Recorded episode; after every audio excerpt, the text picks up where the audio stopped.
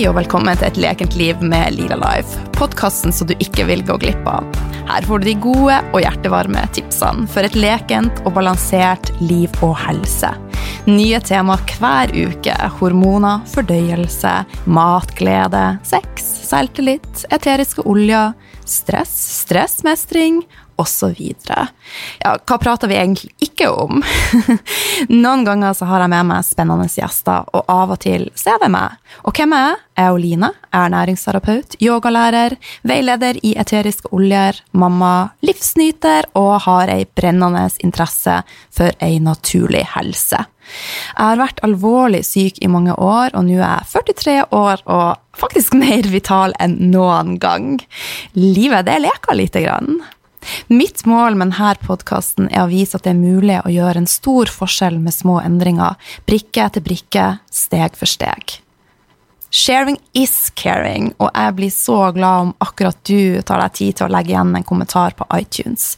Det betyr at budskapet når flere, og gjerne tips en venn, naboen, en partner. Ja, du får lov å tipse faktisk hvem du vil. Et stort smil og en smask ifra hun Line Lila Life.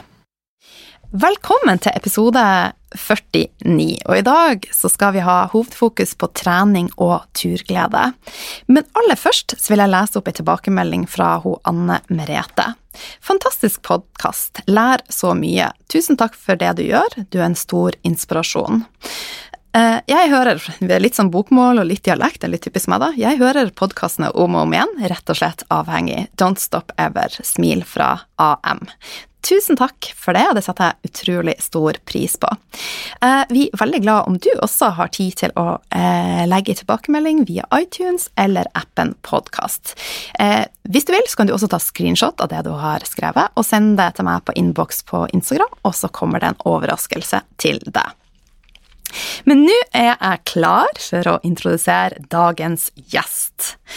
Eh, kanskje ikke alle er klar over det, men i mange år som jobb, jobba jeg som treningsinstruktør, faktisk i godt over 20 år, og etter hvert koordinator på et treningssenter. En del av jobben min var å lære opp nye instruktører, og dagens gjest var en av de. Eh, noen mennesker vet du bare har det, og jeg visste fra første øyeblikk at det var noe spesielt med hun Martine. Og jeg har jo selvfølgelig vært og snukket litt på Martine, og Just Move eh, sier det her om hun Martine. Martine er en av Norges beste instruktører, med ei ydmyk og engasjert tilnærming til jobben sin. Eh, Martine er en instruktør, instruktør som gnistrer av energi. Hun er til stede og sprer treningsglede og energi i alle sine timer. Så hjertelig velkommen, Martine. Det er utrolig koselig å ha deg med, og så er jeg veldig glad for å få lov å dele deg med resten av Norge. Tusen takk. Du er jo supernysgjerrig, eh, og jeg lurer på hvordan starta du dagen din, og hva spiste du til frokost? Jeg er jo akkurat flytta til Bodø og holdt på å pusse opp ei leilighet, så dagen i dag starta med å rydde og ta den dusjen jeg ikke tok i går kveld når jeg kom fra trening. og eh, ja, gjøre meg klar til dagens første økt, og ja, spiste et polarbrød med ost. Fordi jeg har ikke kjøkken. Ok, mm. Så har vært der òg, så da må man ta med det man har. ja. Så forhåpentligvis er kjøkkenet klart til helga. Så da kan jeg endelig begynne å kokulere. Det har jeg ikke gjort siden november. Vært uten kjøkken siden november? Mm. Ja. Mm. Herlig. Ja. Men eh, hvis du da hadde hatt kjøkken, og omstendighetene var annerledes, hadde du starta dagen din annerledes da? Hvordan en sånn drømmestart på dagen? Eh, nå har jo, jeg jobber jo turnus, så jeg har jo fri. Og eh, da liker jeg å ta meg god tid til å lage en fin frokost. Så jeg er veldig glad i sånn smoothie bowls og, som er fint dandert med masse fin frukt og farger og ja. ting som gjør meg godt. Ja. Det gjør meg glad. Ja. Men du, eh, kan du fortelle litt om deg sjøl, Martine, om hvem du er for noen, og litt om din bakgrunn? Ja, jeg heter Martine, jeg er 32 og jeg kommer fra Brønnøysund. Jeg har jobba med trening i ja, siden jeg møtte det, og det er 17 år siden. Jeg har ikke peiling. Nei, jeg var 16 da, så ja. Jeg vet ikke hva, En av de tingene som Sorry at jeg avbryter. Mm. for for jeg føler meg jo på samme alder som jeg var da, Mm. men på deg og andre rundt meg så skjønner jeg at jeg òg blir eldre. Ja, jeg blir dessverre det sjøl òg. Syns vi holder oss bra. ja, det gjør vi. Men tilbake til Martine. Ja, eh, jeg jobba, har jobba med trening fulltid, egentlig alltid, til jeg begynte å jobbe som fjellsikrer for to år siden. Så nå kombinerer den jobben med trenerjobben. Ja, Men du har også en utdannelse innen ernæring? Ja, jeg har en bachelor i ernæring og en PT-utdannelse og sikkert alt som finnes av kurs innen treningsbransjen. Ja. Ja. Og så, Du har også bodd litt rundt omkring, du, ja. Men nå er du kommet tilbake til Bodø. Ja, Ja. det føles veldig bra. ja. Og vi er veldig glad for at du er kommet tilbake, og jeg gleder meg til å komme på trening med deg. Takk. Men du, hva er det som har gjort at du er så utrolig glad i trening? Jeg har vel egentlig vokst opp med det. Jeg hadde en mor som eh, alltid tok oss med på fjelltur. Og da var det alltid hjemmelagde boller og saft i sekken som vi kosa oss med når vi kom på toppen. Og var nå på idrettsskole fra jeg var barn, og familiesvømming, så det har bare vært naturlig, tror jeg. Ja. Ja. Hva det er slags følelse trening gir deg? Klarer du å beskrive det? den eh, greier å sortere. Altså hvis man har en dårlig dag eller eh, trenger en boost, så er det det som får meg ovenpå. Ja. Ja. Men eh, vi snakka om det litt før vi starta her, at både jeg og du vi har denne gleden av å trene. Hvordan kan andre finne den treningsgleden? Jeg tror det handler om å finne ut hva man liker sjøl. Fordi at hvis man leser i VG eller ukeblader, så står det at du skal løpe fire ganger fire intervaller, eller du skal trene baseløft som knebøy og markløft og benkpress. Og det er kanskje ikke fasiten for alle. Det er å finne ut hva som gir det den gleden vi kjenner på. Om det er å gå på en dansetime, om det er å gå en tur på fjellet, om det er å ta headsetet på og bare gå en tur rundt i byen din, om det er å trene tung styrke, eller om det er å sykle seg en tur. Altså man må bare finne ut hva er det som motiverer meg. Hva er det som gjør at jeg har lyst til å gjøre det her igjen? Ikke det alle andre sier at du skal gjøre. Og det er kjempeviktig. Eh, men denne boblende følelsen for trening eh, tror jeg kanskje ikke alle vil oppleve, for at vi er så forskjellige som mennesker. Og kan man da, hvordan kan man finne en indre motivasjon til å fortsette just do it? Hva bør man tenke på? Det er jo utrolig bra for kroppen vår, da. Jo eldre vi blir, jo viktigere er det jo å f.eks. trene styrke for å rett og slett gjøre oss klart til å bli gammel, sånn at vi får lov til å bli gammel og kan fortsette å leve det livet vi gjør. Så um, noen trener for det ytre, men jeg tror at man greier å motivere seg til å fortsette mer hvis man faktisk trener for å finne det man finner på innsida. Om det er en sunnere og sterkere kropp, en friskere og gladere kropp, om ja, noen har kanskje vært til legen og fått beskjed om at du må gjøre det, og hvis det er vanskelig å motivere seg, så prøv å finne en personlig trener kanskje man har kjemi med, eller kanskje en gruppetreningsinstruktør som greier å motivere deg.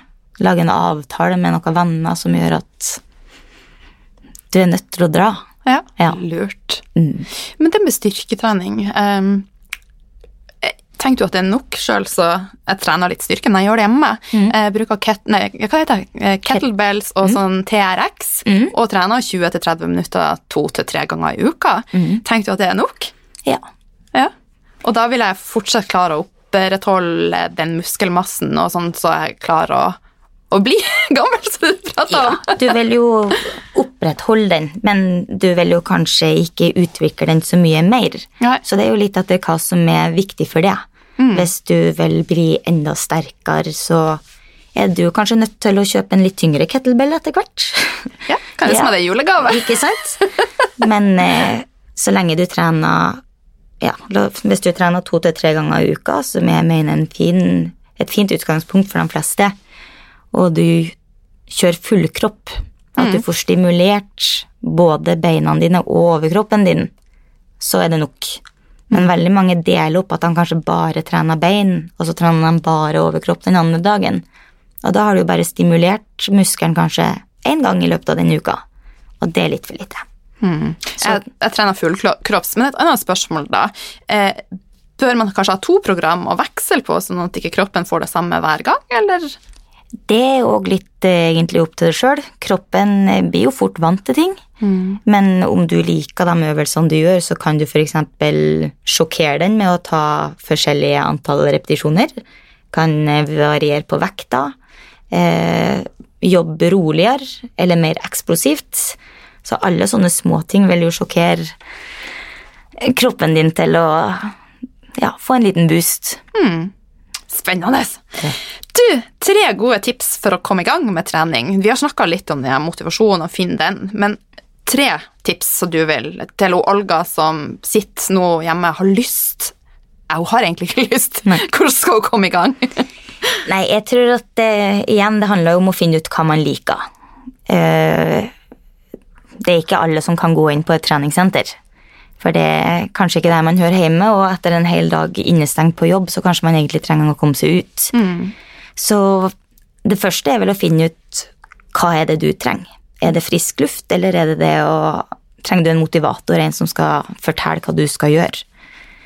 Så når du har funnet ut hva det er, så kan det jo være greit å kanskje ordne seg en eh, treningspartner eller en avtale, at du er bindet av det. Du er nødt til å ja, komme, rett og slett. Og ja, jeg vil si egentlig alt du sitter igjen med når du er ferdig. Det at eh, du får en sunnere og sterkere kropp, du får en kropp som tåler alt det hverdagen utsetter for, og du blir faktisk ganske mye sterkere psykisk og fysisk. Og det tror jeg egentlig er det viktigste, for livet er en berg-og-dal-bane. Det er det. Ja, så det å ha en fysisk aktivitet eller noe å gå til når ting er tøft, det er viktig. Ja. Men da passer det veldig fint å hoppe over til altså, det med aktivitet. Hva er fordelene? What's in it for me? Hvorfor skal vi trene? Nei, det viktigste for min del vil jeg si er endorfinene, altså lykkehormonene. Det er jo Jeg tror ingen kan si at de noen gang har angra på den turen ut eller den treningsøkta.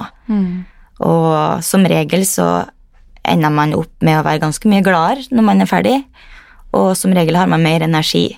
Så folk som føler at de ikke greier noen ting eller er helt utslitt, ofte så har de jo mer energi og bedre humør når de er ferdig.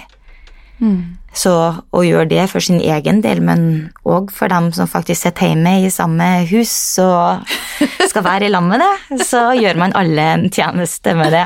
Ja. Og får man Altså, trener man kondisjon og får ja, får denne pulsen Man må ikke få blodsmak og springe så fort man kan, men får hjertet ditt slått litt hardere enn vanlig, og at du får litt puls, så ja, du vil jo på en måte nesten rense blodårene dine mer. Du vil skyte blodet fortere gjennom, som ja, vil gjøre det bedre for det, rett og slett. Ja. Og trener du styrke, så vil jo kroppen din bli sterkere. Du vil ha en beskyttelse hvis du er uheldig og detter på isen, sånn at ikke beina dine knekker så fort. Har du en sterk rygg, så beskytter den jo ryggsøyla. Det blir vanskeligere for deg å få prolaps. Det er jo bare goder. Ja. Ja. Men du, de her eh, endorfinene som du snakker om, eh, det kan jo også bli for noen Jeg tenker kanskje ikke for så mange, men vi er en sånn ting man rusher etter å ha hele tida. For meg ble det litt sånn, sånn at eh, trening for meg Jeg sleit ut kroppen min. Det var for mye trening for at det, det var eneste da jeg klarte å slappe av. Eh, sånn at det er jo også å finne den balansen, og jeg tenker at kanskje ikke trening eh, er Eh, For min del så måtte jeg i hvert fall i en periode finne nye måter å trene på når kroppen min var for sliten. Hva er dine tanker om det? Jeg tror at variasjon er kjempeviktig. Og som du sier at det ene tida så passa det ypperlig med høy puls. Du var jo en racer på aerobikk og dansetimer og step og, og sånn, og nå er du kanskje gått litt mer over til mer myk yoga og balansert styrketrening. Og det å faktisk lytte kroppen, lytte årstida, noe som du har snakka så fint om at det er høst, det er vinter, man går på en måte en type dvale. Og det er når det er lysere tider at vi faktisk kanskje har mer den der boosten og energien og lyset som vekker oss. At eh, ja, kanskje lytt til årstidene, rett og slett. Hva er det som passer for det nå? Og bruk årstidene. Når det er vinter, så ta på det skien. Ta snowboardtur eller eh, slalåm eller akebrett eller trugetur. Moksnø. kjempeaktivitet. Men òg når det blir bart, finn fram sykkelen, eller eh, altså det at man varierer etter hvor man er hen i året. Og eh, nå har jo vi er her i lag, som alle dere hører. Men både jeg og du vi gikk hit fra hver vår kant av byen. Ja. Og det er jo den hverdagsaktiviteten som er så viktig. Den er kjempeviktig. Ja. Så hvordan kan man snike inn det i hverdagen? Det er så enkelt som det er og du gjør, at vi går i stedet for å bruke bilen. Ja. Eh, husker veldig godt fra da jeg jobba som personlig trener i Ski utafor Oslo. Så snakka jeg med en del kunder om når var det de her kiloene begynte å snike seg på, eller når var det vondtene begynte å komme i kroppen. Og samtlige var som regel når de fikk barn. For da, i stedet for å gå fra heimen sin til toget eller bussen eller trikken eller det de skulle ta for å komme seg videre til jobb, så satte de seg i bilen, kjørte ungen i barnehagen, kjørte jobb, tok heisen opp. Og bare det lille der, det som folk tror ikke teller, den lille spaserturen på en fem-ti minutter, det er det lille som faktisk eh, gjør underverker, eller det som er utslageren for de fleste. Det gjør en stor forskjell. Ja. Altså, seriøst, når jeg er for på Gardermoen, eller jeg går alltid trappene. Ja. Alltid!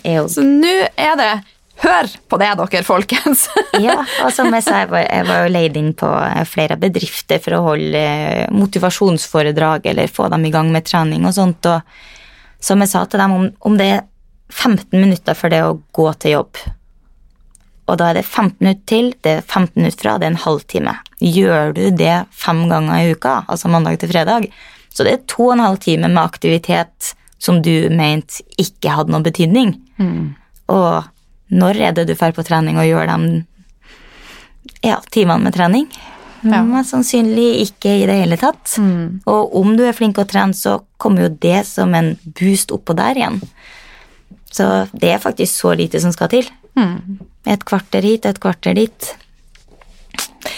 Der har vi løsninga!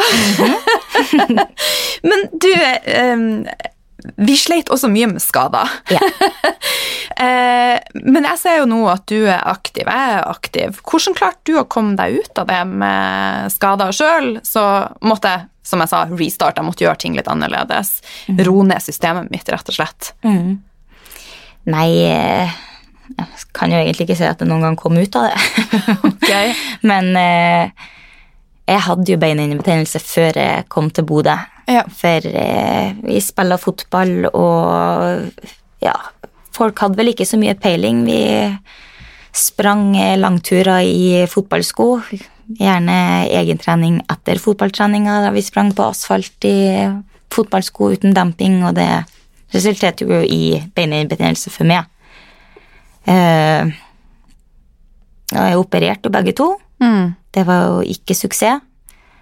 Og så når jeg da flytta til Ski, så var det egentlig ryggen min som hadde fått seg en liten skink som jeg måtte eh, knekke opp. Og da spurte han kiropraktoren om det var noe annet han kunne hjelpe med, og da sa jeg at eh, jeg har noe beinhinnebetennelse, men jeg har hatt det i snart eh, ti år, så jeg har gitt opp. For da har jeg prøvd alt fra akupunktur til massasje og eh, ja, operasjon. Mm. Og han spurte om han fikk lov til å prøve å gi meg sjokk- og trykkbølge. Eh, han skulle ikke ha betalt for det, men han hadde bare lyst. Og det var fem behandlinger, og jeg har ikke hatt det siden. Wow. Mm. Og da jobba jeg fulltid med trening og gikk til og fra jobb, og det var det eneste jeg gjorde om dagen. Så sjokkbølgebehandling. Ja, og det var fem stykker jeg ikke hadde siden, og det er ti år siden nå. Spennende. Det må jeg ta og, og sjekke opp. Ja. ja, det var veldig, veldig spennende. Så etter det, så, som vi snakka om i stad, det her at eh, nå har jo jeg veldig mye trening som instruktør, men jeg har så variert. Det er alt fra yogatimer til sykkeltimer til løpetimer til dansetimer til styrketimer.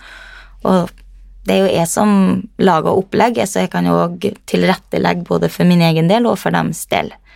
Så da får jeg stimulert kroppen din og brukt alle de musklene som trenger å bli brukt, og de får hvile litt, de som trenger å hvile, og så ja.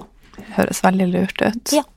Eh, jeg følger deg jo på Instagram, og her om dagen så delte du et innlegg om hvor viktig det var også det med hvile og restitusjon. Ja. For at ja, det er kjempeviktig å være aktiv, men vi må også eh, komme litt ned. Kan du forklare litt dine tanker rundt dette? Nei, Det er jo litt det her med Vi er jo i januar. Ser jo alle skrive at det er den lengste måneden de har vært borti noen gang, og det er jeg jo litt enig i, men det har vært lenge. Men eh, det er jo nyttårsforsett, og alle skal jo spise sunnere og Ja, men skal du spise sunnere, og du skal sove mer, og du skal trene mer, da må det jo gå på bekostning av noe annet. Og har du familie, så er det jo den det må gå på bekostning av. Og skal du trene mer, så er du nødt til å både spise mer og sove mer. Og enten må du jo da legge det såpass tidlig at du kan stå opp så tidlig at du drar før familien din våkner, sånn at du har tid med dem på ettermiddagen, eller så må du jo gjøre det på kveldstida når de har lagt seg. For jeg tenker på dem her som har barn, og ja, de er i barnehagen fra tidlig på morgenen til kanskje fem om ettermiddagen, og da er det kanskje bare et par timer til de skal i seng igjen. Og i tillegg da så skal du trene ekstra, og du skal sove ekstra, og da er det ikke mye tid igjen. Ja. Så um, det jeg egentlig prøver å få fram, det er at folk ikke må være så streng med seg sjøl. Og som vi snakka om i stad, at de er to-tre øktene i uka som du vet at du har tid til, bestem det for dem, og så er det en bonus om det skulle være noe fritid igjen, eller noe som gjør at du kan ta deg ei ekstra økt hvis det passer inn i hverdagen. Og det som jeg også prøver å fokusere på, vær snill med deg sjøl, klapp deg sjøl på skuldra for det du faktisk gjør, Ja. ikke det som du ikke har gjort. Nei. Vi er så dømmende mot oss sjøl, og det gjør jo bare vondt verre. Ja, altfor streng, og alle de eh, tilbakemeldingene på det innlegget der, og det var jo det som var så godt. Jeg var jo litt usikker på hvordan det skulle bli tatt imot, for det er nå alltid folk som har sine meninger, men det var utrolig mange som trengte å høre det der. Og det ga dem jo faktisk mer motivasjon. For hvis du alltid higer etter at det må være mer, så blir det jo nesten umotiverende. Du blir jo sliten. Og blir du sliten, så får du jo ikke den her energiboosten. Du får ikke den gleden lenger. Og da er hele poenget borte, mener jeg da. Mm, jeg er enig. Ja. Veldig enig. Så Klokt! ja. Men du, jeg, er fjellgeit, og eh, jeg har kanskje funnet mye over fjellgeit. Veldig glad i fjellet. Eh, Du springer eh, som jeg i fjellet. Hva er det med fjellet, Martine, som er så bra? Fjellet, det, det er terapi. Det er fristed nummer én. Det er ingenting som gir meg en bedre følelse innvendig. Og man blir belønna med den utsikten på toppen, og alt er bare så vakkert. Det går jo ikke an å bli annet enn glad. Jeg er helt enig. Det er den. Jeg kjenner noe jeg får Mm, jeg kjente det jo. Drømt meg vekk litt.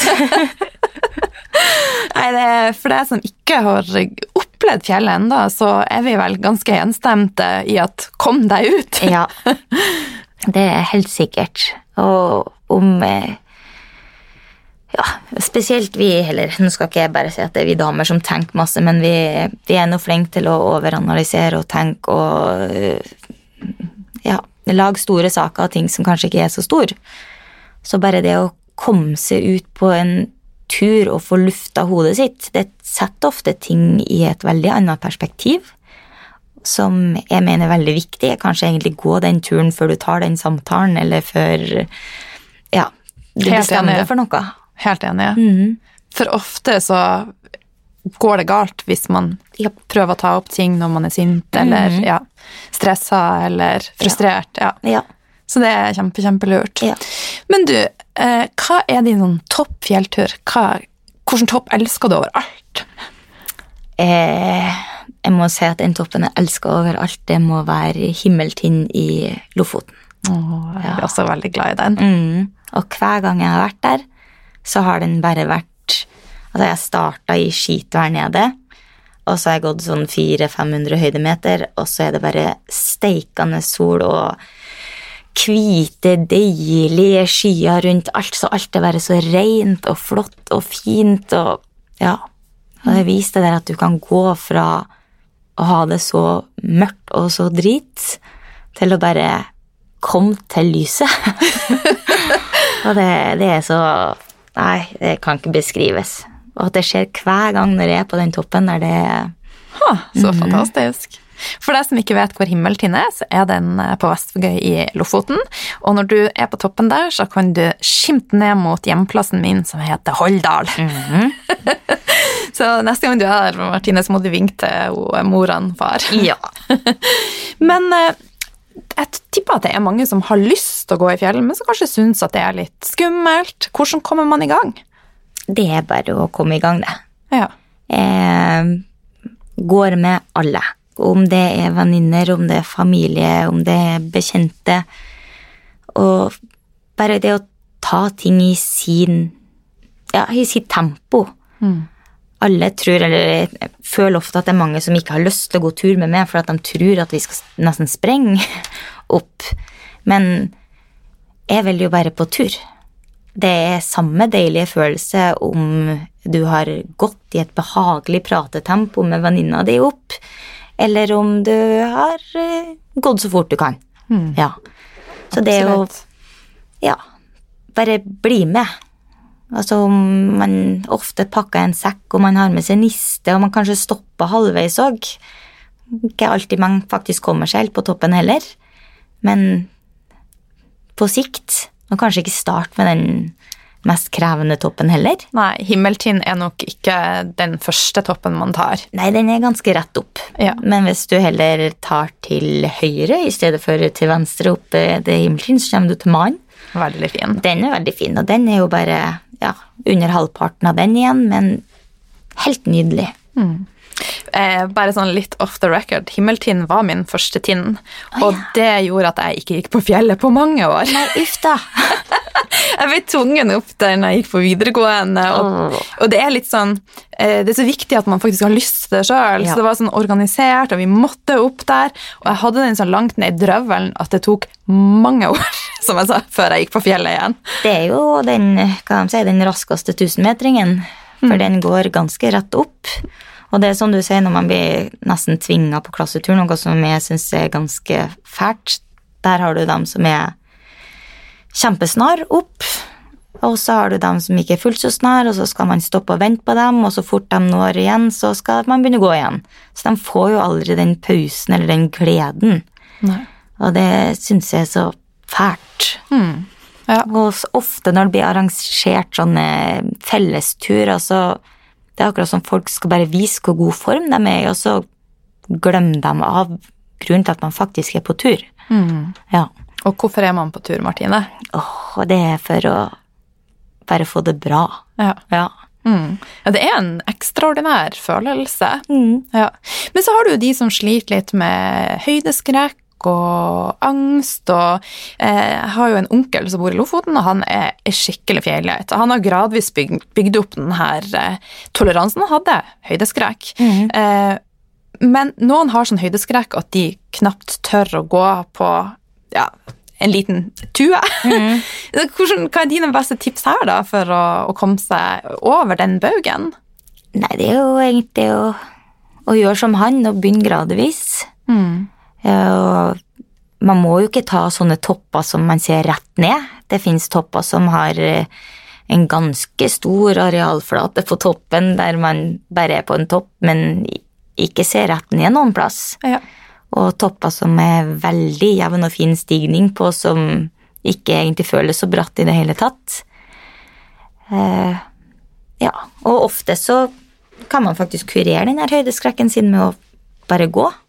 Jeg har vært på noen klatrekurs, og det er jo flere på klatrekurs som faktisk har høydeskrekk. Og når kurset er ferdig, så har de ikke høydeskrekk lenger. For de skjønner at det er faktisk ganske trygt. Ja. Og jeg tror at det handler mye om å faktisk møte frykten sin. Eh, og så lenge ikke det er fare for liv, Mm. så tror jeg vi vokser på å møte frykten vår. Ja. Møter vi ikke den, så er jeg overbevist om at den angsten vil bare bygge seg opp. ja. Ja. Altså, det er jo kanskje gå nå en dag der det, når det er fint vær. Hvis det er sleipt og glatt, så er det ikke noe gøy. Nei. Nei. Mm. Er det tørt og fint, så trenger man jo ikke tenke på at man skal skli eller å gå der det er sti, i stedet for å gå og balansere på stein. Ja, Ja. helt eh, sant. Men veldig mange er utstyr, ut, å si det, utstyrsfriker. eh, jeg må bare ha de skoene, jeg må ha den sekken, jeg må det og det, og så skal jeg sette i gang. Trenger vi noe spesifikt utstyr for å komme i gang? Nei, Nei. man gjør ikke det. Men hvis eh, du skulle komme med ett tips hva som er lurt å ha, eh, hva det skulle være? Egentlig gode sko. Ja, bra, for det var det jeg òg tenkte. Ja. Som gjerne går over anklene, kanskje. Ja, det kommer jo helt an på hvor sterke ankler du har. Men ja. hvis du skal gå i veldig sånn ujevnt terreng, så er det jo veldig greit med sko som har støtte over ankelen, for at da er du bedre støtta opp, så du ikke trenger å vrikke foten din. Ja. Og en sko som kanskje er litt grov under, sånn at du faktisk har feste. ja. Ja, for det, man er på fjellet, og jo høyere opp man kommer, så er det som regel helt annet terreng enn det var lenger ned. Været er ofte litt annerledes òg. Det er sant. Så da kan det jo være lurt å ha en liten sekk. Og hva vil du ha pakka i den sekken? Drikke. Ja, Og gjerne en eh, vindjakke. Da vi like sekker. Og kanskje en liten sjokoladebit, eller ja Noe Absolutt. å kose med. Ja. Er det andre forhåndsregler som kan være lurt å ta når man eh, skal eh, ta sin første tur? Jeg vil jo si at man kan ta med seg en, en eh, telefon som er fullt opplada, og kanskje har sagt ifra hvor du for hen før du for. For det Man vet jo aldri, spesielt i Norge, og Bodø er jo ekstrem på vind. Så Nei, snakka du? sa det her en dag at herregud, når skal man komme seg opp på Keiservarden uten at man blåser vekk? Men Vi sitter nå her. Vi sitter her. Altså, som min kjære sa, at eh, man setter ekstra pris på toppene den dagen. Ja. Ja.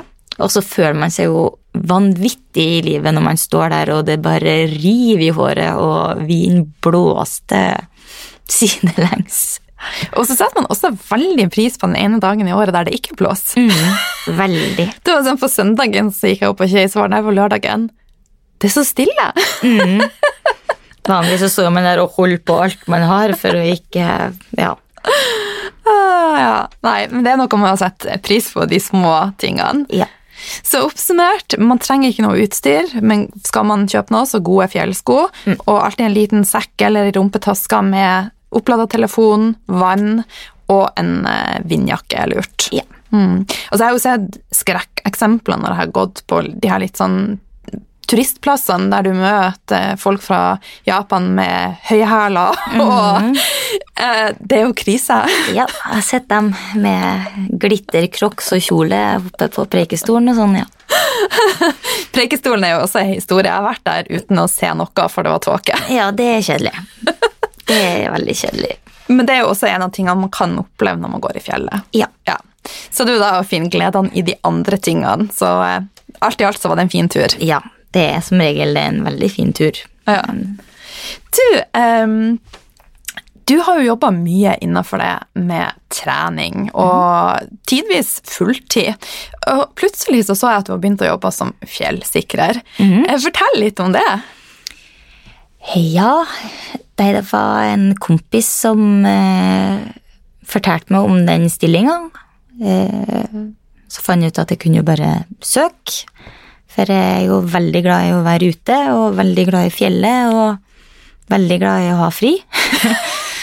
så eh, jeg søkte på den, og to dager etterpå så ringte de og ga meg jobben. Wow.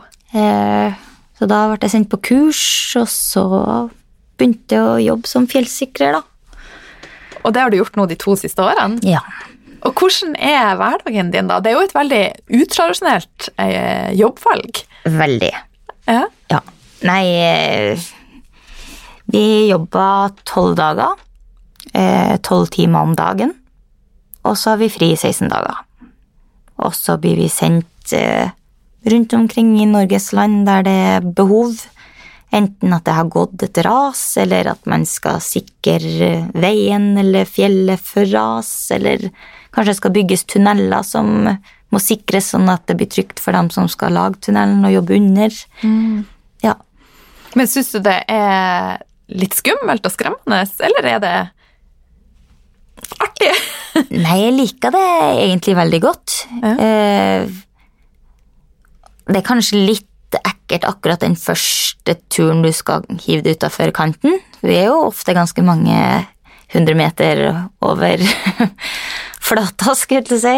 Så det er full av utstyr, så da sjekker du kanskje litt ekstra at uh, alt sitter fast og du har sikra det riktig. Ja. Ja. Er det noe du har tenkt å fortsette å jobbe lenge med? Er det sånn at du Jeg liker det, men um, jeg vet ikke om kroppen min tåler det. Nei, Nei. for det er ganske krevende. Ja, Ja. vi er jo fysisk aktive. Vi, ja, vi har eh, 45 minutter pause til sammen i løpet av en dag. Av tolv timer. Yes. Og ellers så henger dere i Ja. Wow, du er i tøffa. Og da slår vi jo i stein med spett. Først heller vi rensker hele fjellveggen opp og ned, opp og ned, opp og ned, sånn at eh, vi vet at det er trygt. Og hvis det er noe vi ikke greier å få ned med håndmakt, så bruker vi ei pute som prøver å blåse det ut. Eh, går ikke det, så må vi jo bolte fast. Så da må man jo prøve å balansere en bolt som er kanskje opptil fem meter lang oppi veggen. Jeg så for meg en sånn liten spiker. Nei, er, og du kan se for det lille meg som skal prøve å balansere den der og holde maskinen samtidig. Det er tungt. Ja. Ja, og så skal man jo Det er jo ikke noen plass å ha det utstyret, så du har jo utstyret på det. Så det er ganske mange kilo du bærer på. Og så er jo jeg den eneste jenta, så er nå halvparten av vekta og ganske mange centimeter mindre enn dem jeg jobber med. ja. Så eh, det er ganske mye tyngre, vil jeg tro, for meg. Og jeg syns du er tøff, tøffa. Det skal du ha. Så eh, Takk. Og takk for at du deler. Takk. altså, jeg fikk som sagt sjokk når jeg så det, sånn at for det at du faktisk gjør det, det er jo fantastisk. Så det er jo et eksempel på just do things. Ja, jeg liker det veldig godt, og det kan kombinere det med ja, ha 16 dager fri, og nå jobber jeg jo her da på treningssenteret i Bodø, men jeg reiser jo ofte rundt på sånn treningsconventions og treningsreiser og sånt, så det er jo helt supert å ha den fritida til å gjøre hva man vil òg. Ja. Hmm. Du, eh, du er jo veldig glad i de firbeinte. Mm. Eh, Jeg har jo ikke vært sånn her superglad i hund. Det var liksom helt da Linus kom inn i livet mitt, så Ja. har det skjedd et eller annet. Så nå er jeg jo også vidt helt på tuppa etter hund, da. Mm. Men hva er det med hunder som gjør deg så eh, ja, glad? Og det er den der ubetinga kjærligheten. Ja. Det er at uansett skal vi si, hvordan du ser ut, eller hvordan du har det, så er de like glad for å se det. Hmm. Og ja, alle opp- og nedturer jeg har hatt, så Ja, så min hund heter han Quatro, han var liksom alltid der. I en periode så tenkte jeg herregud, jeg skulle jo bare gifte meg med han. han er jo der for meg, om jeg bare har vært i postkassen, så er han like glad for å se meg. og om jeg spør om vi skal på tur, så er han i ekstase. og ja. ja. Og så den kosen og ja. Hmm. Jeg er helt enig. Han er bare din. Altså, Ja. han, han velger bare alt godt i hele verden. Ja. Og du er den beste personen han kan ha.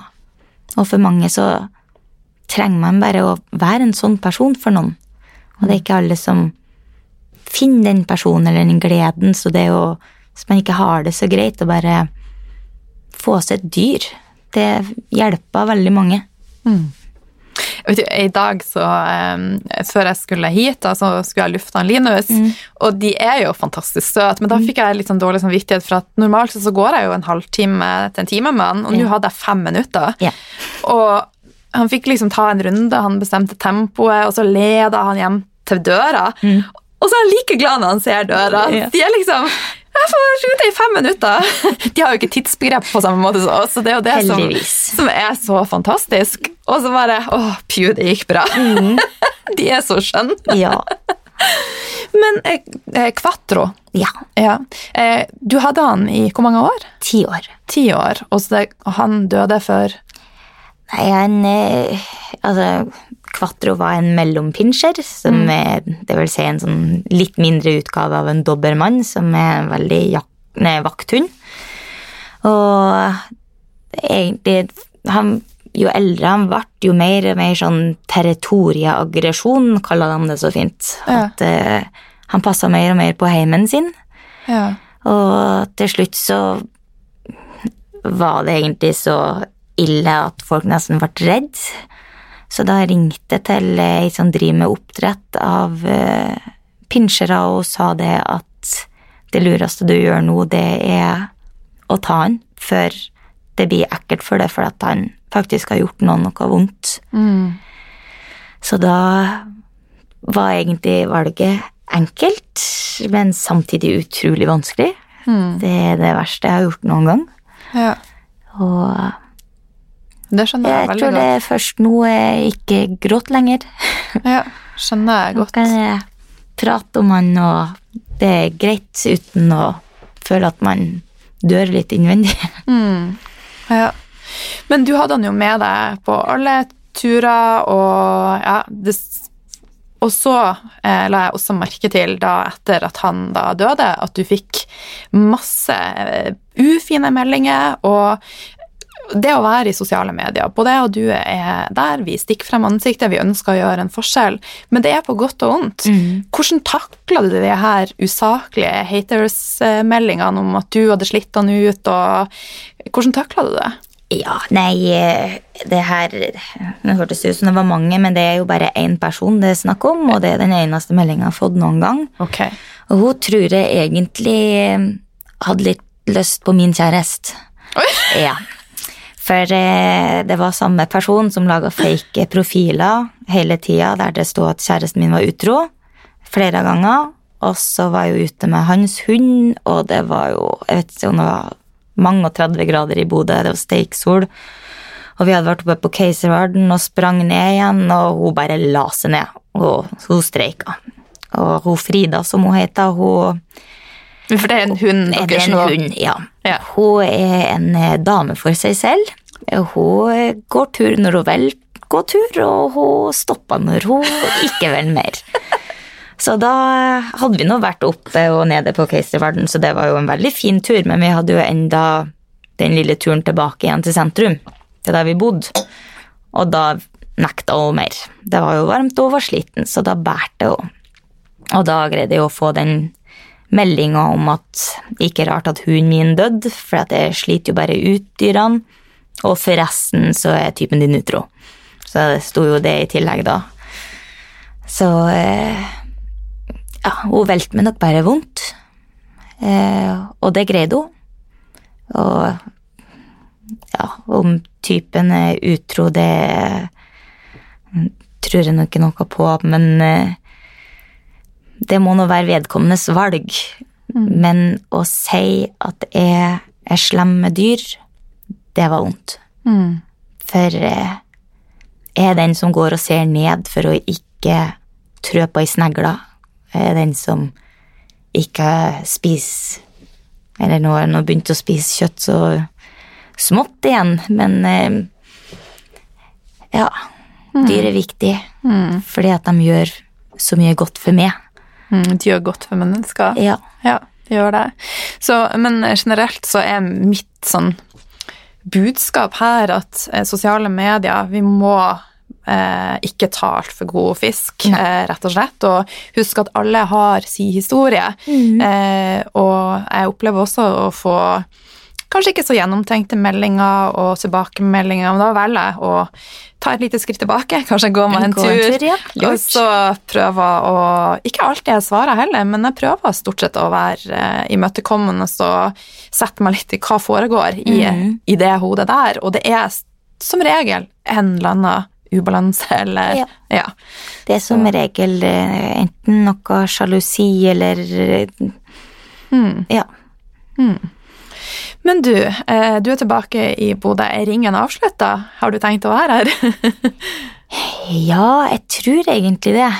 Jeg har alltid blitt huska sjefen min i Ski, han, eller Langhus. Han sa alltid at jeg, jeg har ikke røtter. At jeg er en rotløs person og står alltid med én fot innafor og én utafor. Og det er egentlig veldig sant. Men nå har jeg faktisk kjøpt, og jeg kunne flytta hvor som helst, for jobben min gjør at jeg kan bo hvor som helst. Men det er egentlig her jeg vokste mest som menneske, og jeg liker menneskene, som- eller bodøværinga, utrolig godt.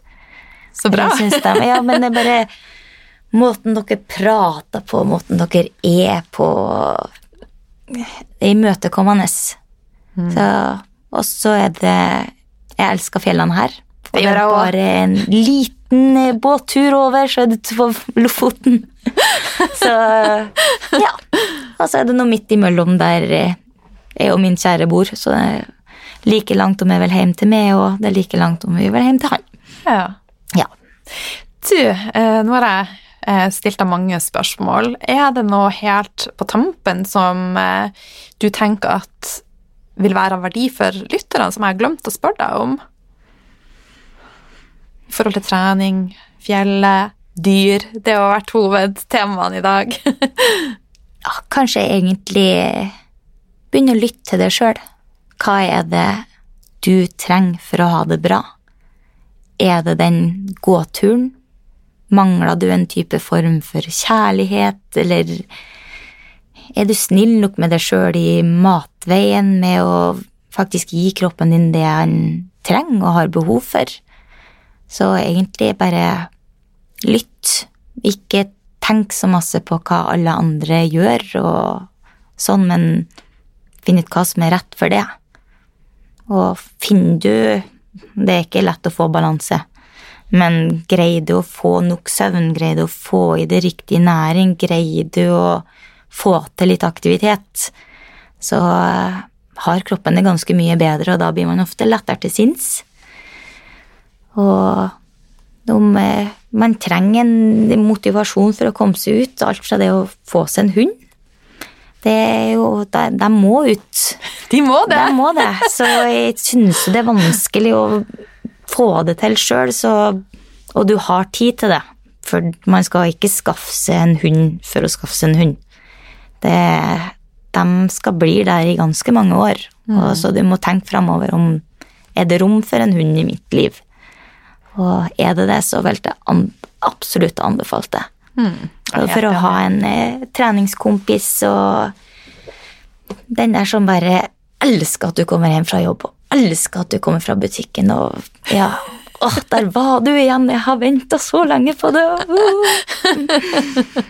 Ja, det er en god følelse. En veldig god følelse. Og det er ikke alle som har den følelsen i sin hverdag, så det er om det er en katt som kan gi deg den følelsen, eller om det er hamster, eller Ja. Det finnes mange muligheter. ja. Hmm. Du, en drømmedag i ditt liv, og gjerne litt leken. Hvordan ser han ut Åh, nei, den er nok på fjellet. på fjellet? Ja. Og den er nok i Lofoten. Ja. Og det er sol og Ja, om man har vært på Himmeltind eller Man, for eksempel, at man bare kan ferne på stranda etterpå og ta seg et bad. Grille litt. Grille litt og Åh, nei. Lofoten har så masse fint å by på at det, drømmedagen er nok der. Hmm. Gjerne i telt. Å, helt enig. Mm. Ok, nå ble jeg veldig drømmende. Tusen hjertelig takk, Martine, for at eh, du tok deg tid til det her. Eh, hvordan kan lytterne connecte med deg hvis de vil eh, følge deg? Nei, det er vel egentlig bare Instagram jeg er aktiv på. Så der prøver jeg å dele litt turgleder og treningsgleder og litt av hvert. Og hva heter kontoen din? Er det M. Slåttvik? Jeg ble litt usikker. Ja, da, vi dere søker, og hvis det ikke heter M. Slåttvik, så er det Martine Slåttvik. Ja. Ja. Nei, men tusen takk, Martine. Det har vært en glede. Takk for at jeg kom. Det var en ære.